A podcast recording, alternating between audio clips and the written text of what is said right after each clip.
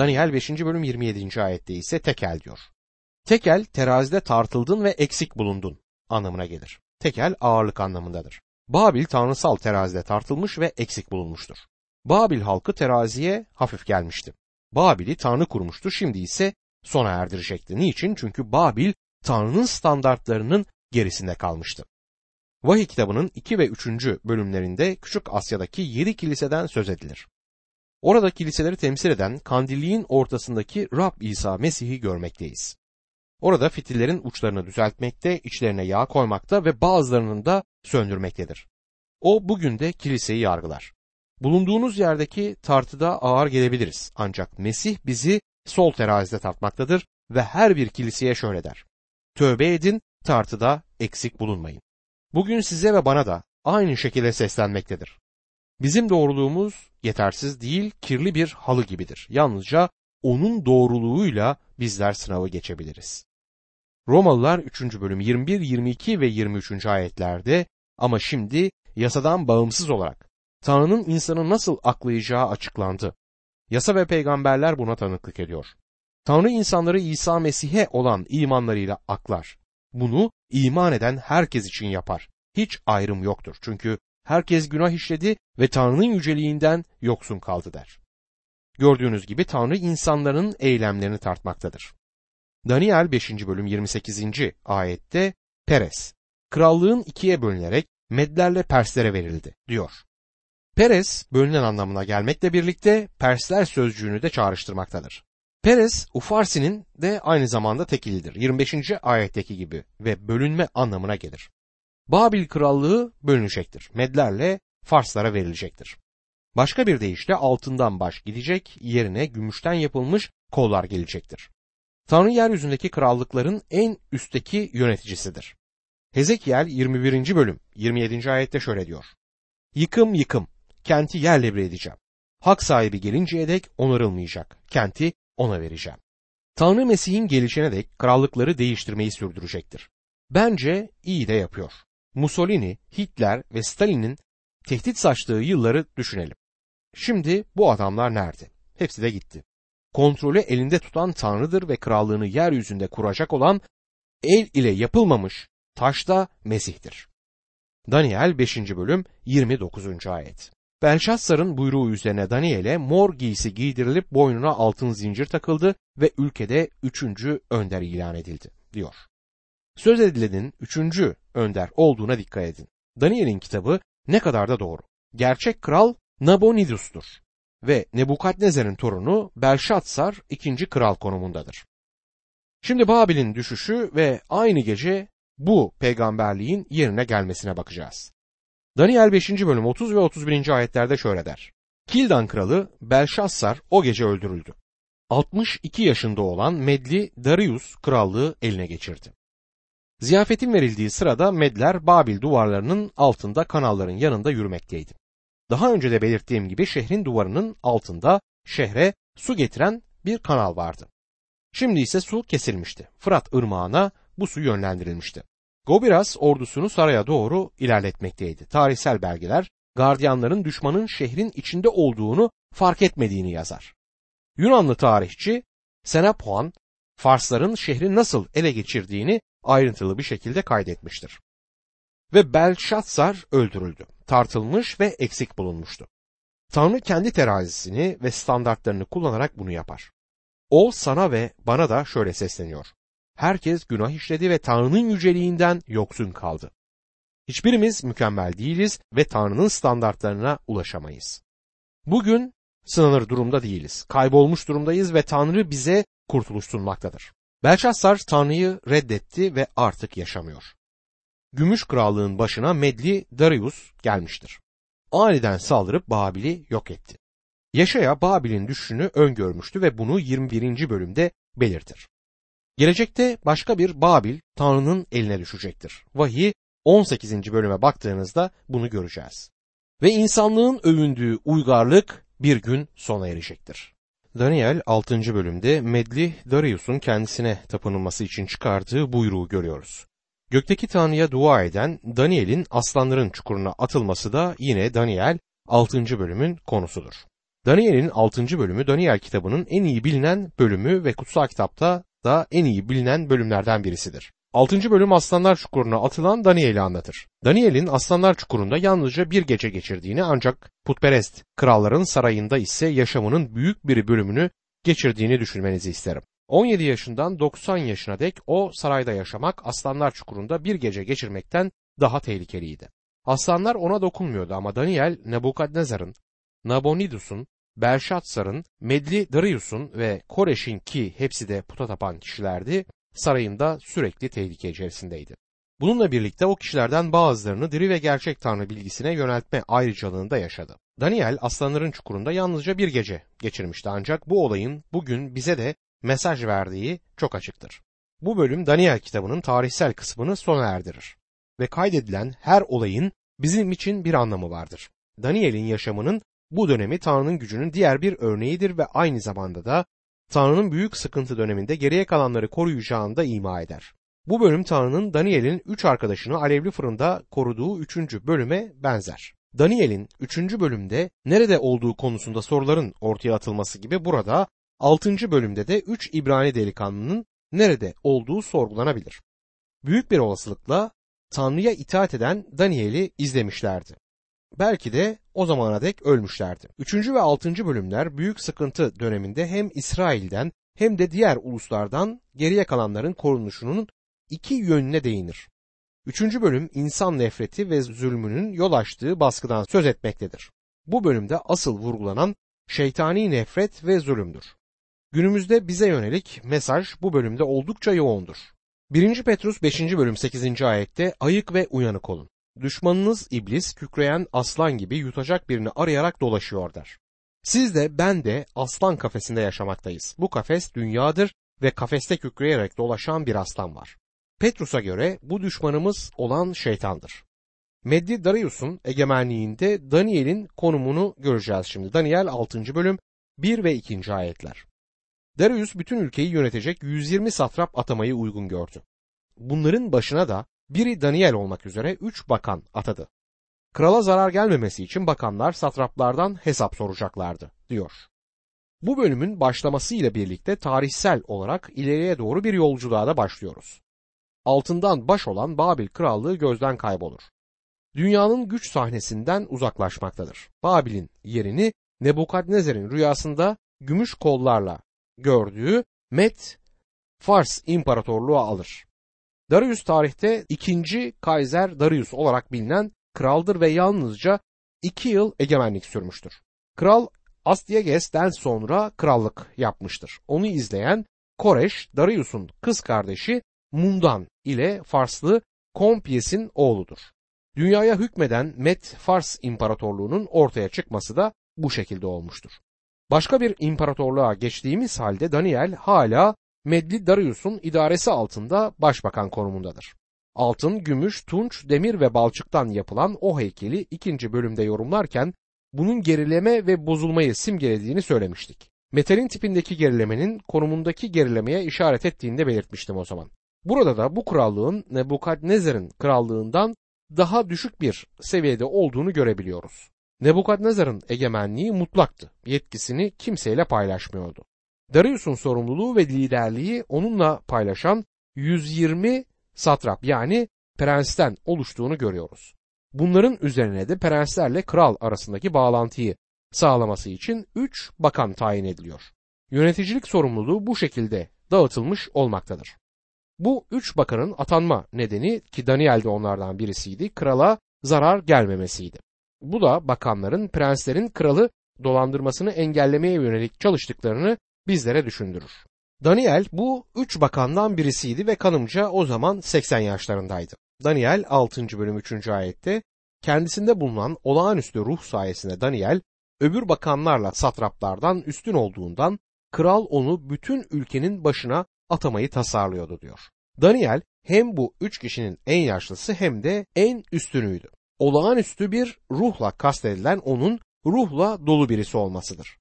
Kral Daniel'e çok güvendiğinden onu sağ kolu yapmıştı. Bakanlarla prenslerin Daniel'i ortadan kaldırma planlarını da görüyoruz. Daniel 6. bölüm 4. ayet. Bunun üzerine öbür bakanlarla satraplar Daniel'i ülke yönetimi konusunda suçlamak için fırsat kollamaya başladılar. Ancak ne suçlanacak bir yanını ne de bir yanlışını buldular. Çünkü Daniel güvenilir biriydi. Kendisinde hiçbir eksiklik ya da yanlışlık bulamadılar diyor. Kesin olan bir şey var ki o da şudur. Eğer herhangi bir yerde bir numaralı adamsanız bu kilise olabilir, politika olabilir, okul olabilir, ev olabilir, kıskanç kişiler sizi izlemeye başlayacaktır.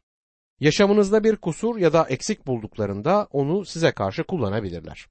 Şimdi Daniel arkasında örnek bir yaşam bırakmış durumdadır. Bu kişiler onun kişiliğinde ve gençliğinde ona karşı kullanabilecekleri bir şey bulamıyorlar. Birçok politikacı hatta herkes geçmişinin daha farklı olmasını isterdi. Bugün Tanrı'nın bir çocuğu o şekilde yaşamalıdır ki kendisine yöneltilen suçlamalar asılsız çıkabilsin. Yani inanlıya yöneltilen suçlama doğru olmasın ve yalan olsun. İnsanların konuşmasını engelleyemezsiniz ancak onların söyledikleri dedikoduların ya da iftiraların boşa çıkmasını sağlayabilirsiniz. Elçi Paulus tüm insanlara Filipeliler 2. bölüm 14 ve 15. ayetlerde şu öneride bulunur. Her şeyi söylenmeden ve çekişmeden yapın ki yaşam sözüne sımsıkı sarılarak aralarındaki evrendeki yıldızlar gibi parladığınız bu eğri ve sapık kuşağın ortasında kusursuz ve saf Tanrı'nın lekesiz çocukları olasınız.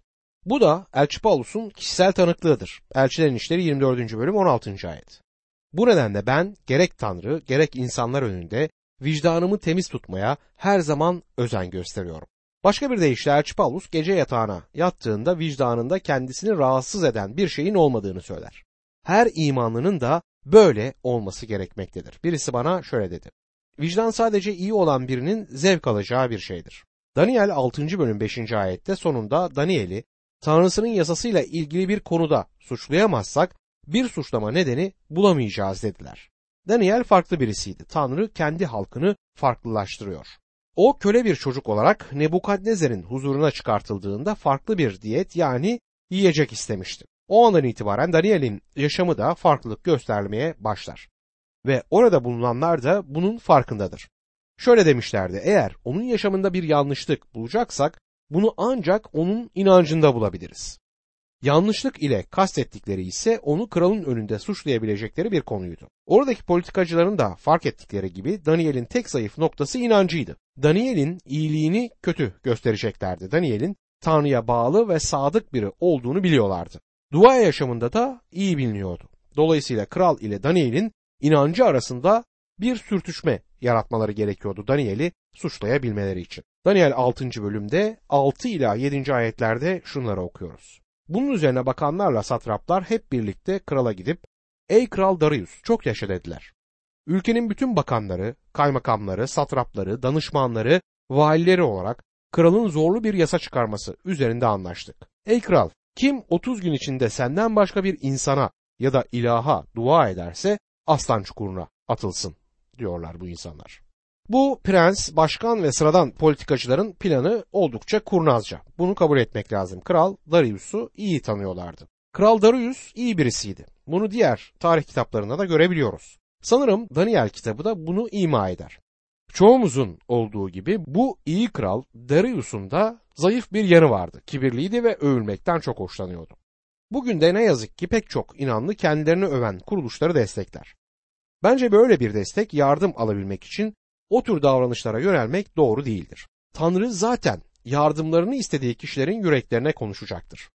Uzun bir zaman önce düşmanlarımın söylediği kadar kötü, dostlarımın söylediği kadar da iyi olmadığımı keşfettim. Övgülere kapılıp gitme tehlikesi her zaman vardır. Benimle beraber olan insanlara şöyle derim. Hangi kilisede olursanız olun, ne kadar zayıf bir vaiz olursanız olun, Rab daima size övecek bir kişiyi size sağlayacaktır.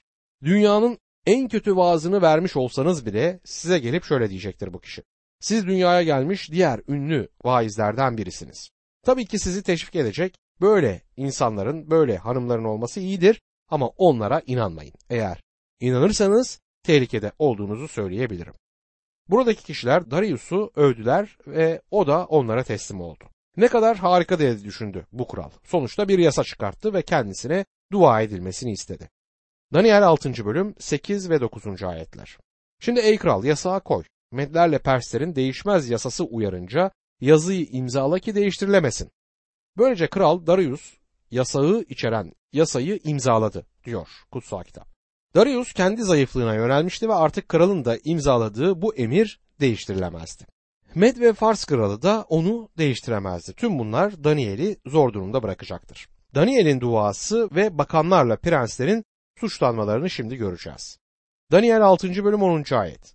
Daniel yasanın imzalandığını öğrenince evine gitti. Yukarı odasının Yarışilim yönüne bakan pencereleri açıktı. Daha önce yaptığı gibi her gün üç kez diz çöküp dua etti. Tanrısına övgüler sundu. Daniel'in bu yeni yasaya gösterdiği tepkiye dikkat edin. Yıllardır yaptığı gibi pencerelerini açtığında çılgınca ya da küstahça bir davranışta bulunmuyor. Geriye de çekilmediğini dikkatinizi çekmek isterim. Korkup pencerelerini kapatma yoluna gitmedi. Her zamanki gibi dua etti. Dua ederken diz çöktüğüne de işaret etmek istiyorum. Dua sırasında alınması gereken pozisyon konusu sık sık sorulmaktadır. Bunun çok önemli olduğu kanısında değilim. Victor Hugo, duada vücudun pozisyonunu ne olursa olsun önemli değildir der. Önemli olan canımızın, yüreğimizin diz çökmüş olmasıdır. Önemli olan insanın ruhunun almış olduğu pozisyondur. Ancak yine de bir pozisyon almak isterseniz burada da belirtildiği gibi bu diz çökmek olabilir. Daniel'in Yarışlim'e yönelerek dua ettiğine de dikkat etmemiz gerekir.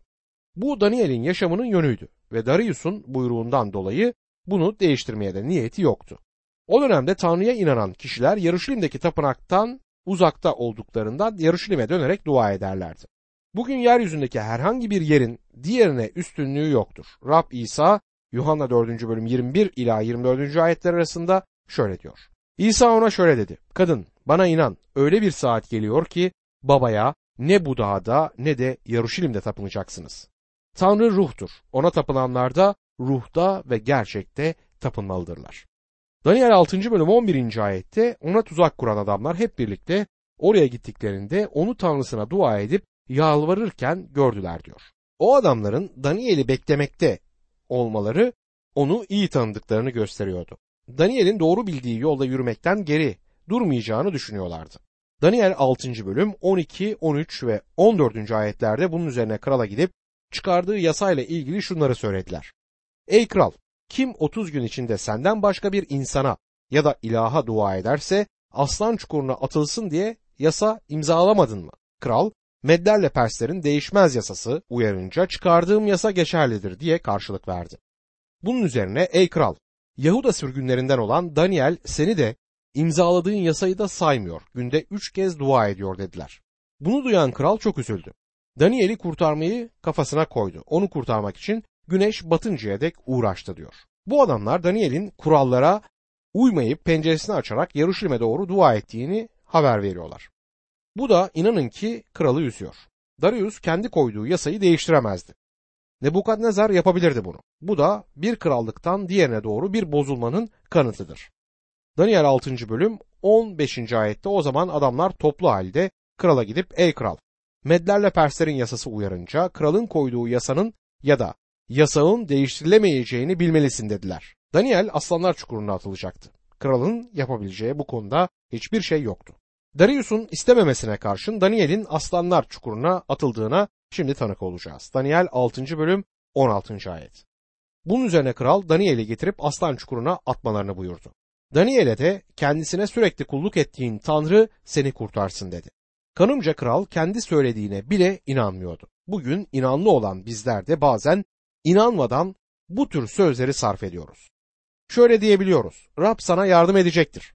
Halbuki aynı durumda biz olsak Rabbe o kadar da güvenmeyecektik. Ancak kral Darius epeyce yol kat etmişti bu konuda. Daniel'in tanrısının güçlü olduğunu ve onu kurtarabileceğini anlamıştı. Daniel'in Tanrı'ya sadık olduğunu da gördü. Daniel'in ahlaksızlığın ortasındaki tanıklığı hiç de güçsüz değildir. Onun gösterişsiz ve yolundan şaşmaz yaşamı Tanrı'nın kurtarıcı lütfu için güçlü bir tanıklıktı. Daniel 6. bölüm 17. ayette bir taş getirip çukurun ağzına koydular. Daniel ile ilgili hiçbir şey değiştirilmesin diye kral hem kendi mühür yüzüğüyle hem de soyluların mühür yüzükleriyle taşı mühürledi.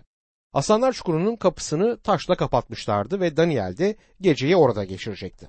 Bu aslanlar yaşlı ve dişsiz değil genç ve vahşiydi. Bir gün hayvanat bahçesinde iş bulan birinden kafesteki aslanları beslemesi istenir. O buna karşı çıkınca gardiyan şöyle der. Aslanların dişi yok. Adam şöyle yanıt verir. Evet ama beni çiğneyerek de öldürebilirler. Daniel'in aslanları saldırgandı ama o gece en güvenli yerde aslanların çukuru olmuştu. Sanıyorum Daniel gece rahatça uyumuştu.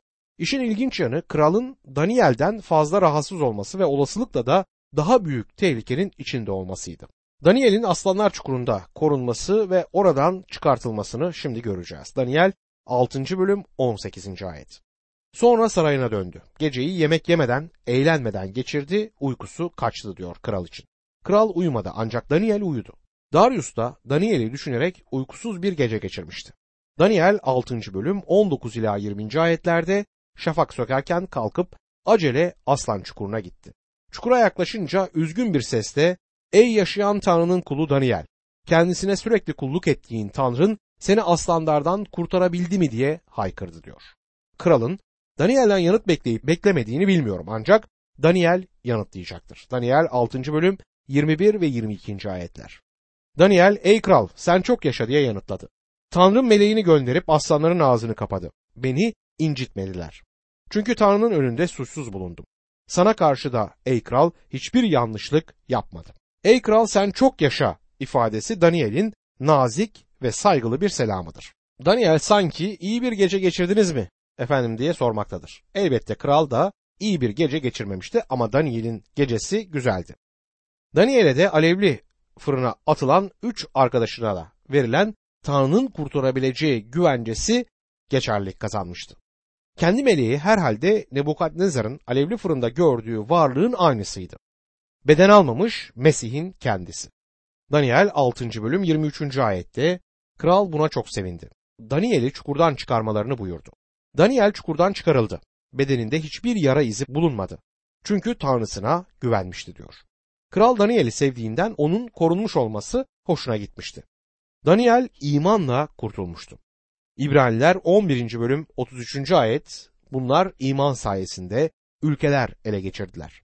Adaleti sağladılar, vaat edilenlere kavuştular, aslanların ağzını kapadılar der.